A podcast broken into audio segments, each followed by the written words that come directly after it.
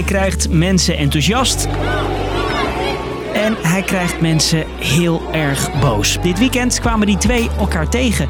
Aanhangers van de Franse presidentskandidaat Eric Zemmour gingen op de vuist met tegenstanders van hem. Anti-racisme-activisten gingen naar binnen bij de bijeenkomst van Zemmour om te protesteren en kregen stoelen naar hun hoofd en werden geslagen en geschopt. Presidentskandidaat Erik Zemmour trapte zijn campagne dit weekend onrustig af. En zijn naam ga je de komende tijd veel horen. Wie is Erik Zemmour? Ik ben Marco en ik leg je vandaag uit wat hij wil met Frankrijk. Lang verhaal kort. Een podcast van NOS op 3 en 3FM. La loi heureusement ça existe. Attendez, Dominique Volton. On va quand même répondre à Eric Zemmour Erik Zemmour is al jaren een veelgeziene gast in Franse talkshows. Hij houdt van een pittig debat en lokt graag felle reacties uit. Eric Zemmour, c'est un délit, un délit puni par la loi. Non. Zemmour is 63 en schrijver. Hij werkte jarenlang als politiek journalist bij Le Figaro, een grote krant in Frankrijk. En hij duikt steeds vaker op, vertelt correspondent Saskia Dekkers. Dit is de man die de Franse politiek op zijn kop zet. In de afgelopen maanden is hij met zijn thema's het debat gaan domineren. Terwijl hij geen politieke partij heeft. Zijn televisieoptredens zorgen meer dan eens voor een golf aan kritiek. Zo zei hij dat werkgevers zwarte en Arabische sollicitanten mogen weigeren. Dat moslims moeten kiezen tussen Frankrijk en de islam. En vorig jaar zei hij nog over alleenstaande minderjarige asielzoekers. Het zijn dieven, moordenaars en verkrachters. ce que je dis, Wat ik zeg, vinden veel mensen ook, zegt Zemmour. Hij wordt wel de Franse Trump genoemd. Hij is een outsider en neemt geen blad voor de mond. Die duidelijke taal staat ook in zijn boek. Le Suicide Français, de Franse zelfmoord. De kern, Frankrijk gaat ten onder aan immigratie. Maar door al die harde uitspraken is hij ook al meerdere keren veroordeeld voor discriminatie en haatzaaien. Erik Zemmour is een echte bekende Fransman door zijn vele media-optredens en signeersessies van zijn boeken. Zoals hier, waar hij een boek signeert voor iemands oma. Aanhangers en analisten speculeerden al langer dat hij mee zou gaan doen aan de Franse presidentsverkiezingen over vier maanden. En vorige week zei Zemmour dan eindelijk: Ik doe het. j'ai donc décidé de solliciter vos suffrages pour devenir votre président de la République.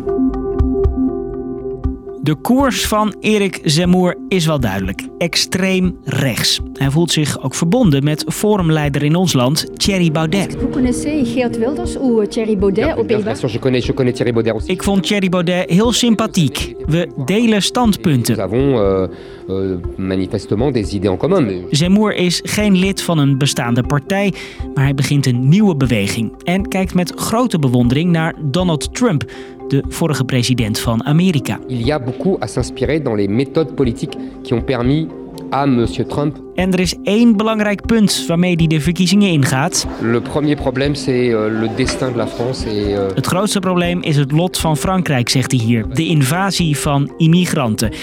Je bent een buitenlander in je eigen land. Dat is Zemmours visie, vertelt correspondent Frank Renaud. Frankrijk was een prachtig land, maar is de laatste decennia achteruit gehold. We herkennen ons eigen land niet meer, zei Eric Zemmour. We moeten weer terug naar het Frankrijk van Brigitte Bardot, naar het Frankrijk van het Concorde-vliegtuig. Nou, daarmee verwijst hij echt dus naar de jaren 60 en 70. En daarvoor heeft Zemmour allemaal plannen. Hij wil illegale het land uitzetten, mensen van buiten Europa geen uitkering meer geven.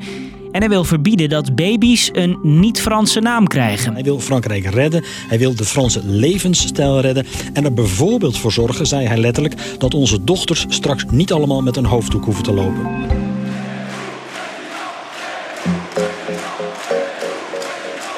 C'est le seul qui dit les choses comme il faut. Hij verdedigt ons land, dat zegt deze jongen. Die plannen van Zemmour vallen bij hem goed. Een politicus met het hart op de tong die zegt waar het op staat.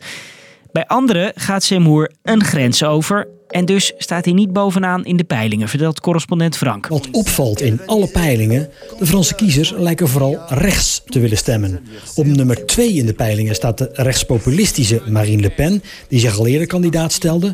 Op nummer 3 in de peilingen staat de radicaal-rechtse Eric Zemmour. Zemmour haalt kiezers binnen die vorige verkiezingen niet stemden en wint ze van de uiterst rechtse partij Rassemblement National van politica Marine Le Pen. Aanhangers van Le Pen vinden haar partij te gematigd geworden en Zemmour gaat verder in zijn ideeën. En ook bij andere partijen wint hij stemmen. Deze in Nederland geboren burgemeester in Frankrijk twijfelt ook aan zijn partij. Zeker, aangezien Les Républicains, dus mijn partij, tegenwoordig te veel naar het centrum toetrekt. Maar Emmanuel Macron, de huidige president, die staat nog steeds met flinke voorsprong aan kop. Het verschil is groot, maar Zemmour valt wel op in de Franse politiek, vertelt correspondent Frank Renaud. Omdat Zemmour kiezers aantrekt van populistisch rechts, van gematigd rechts, maar ook mensen die niet meer gingen stemmen. En als je dat allemaal bij elkaar optelt, is dat best een grote groep kiezers. Dus, lang verhaal kort, Erik Zemmour was al een veelgeziene talkshowgast en schudt nu de Franse politiek op. Door zijn extreemrechtse uitspraken en standpunten trekt hij een groep kiezers aan, maar stoot hij ook veel kiezers tegen het zere been. Zemmour is de afgelopen maanden opgeklommen in de peilingen, maar het is nog vier maanden tot de verkiezingen. Er kan nog van alles gebeuren. Vive la République et surtout vive la France En dat was hem weer. C'est tout pour aujourd'hui. Merci voor het luisteren. Nous serons de retour demain. Au revoir.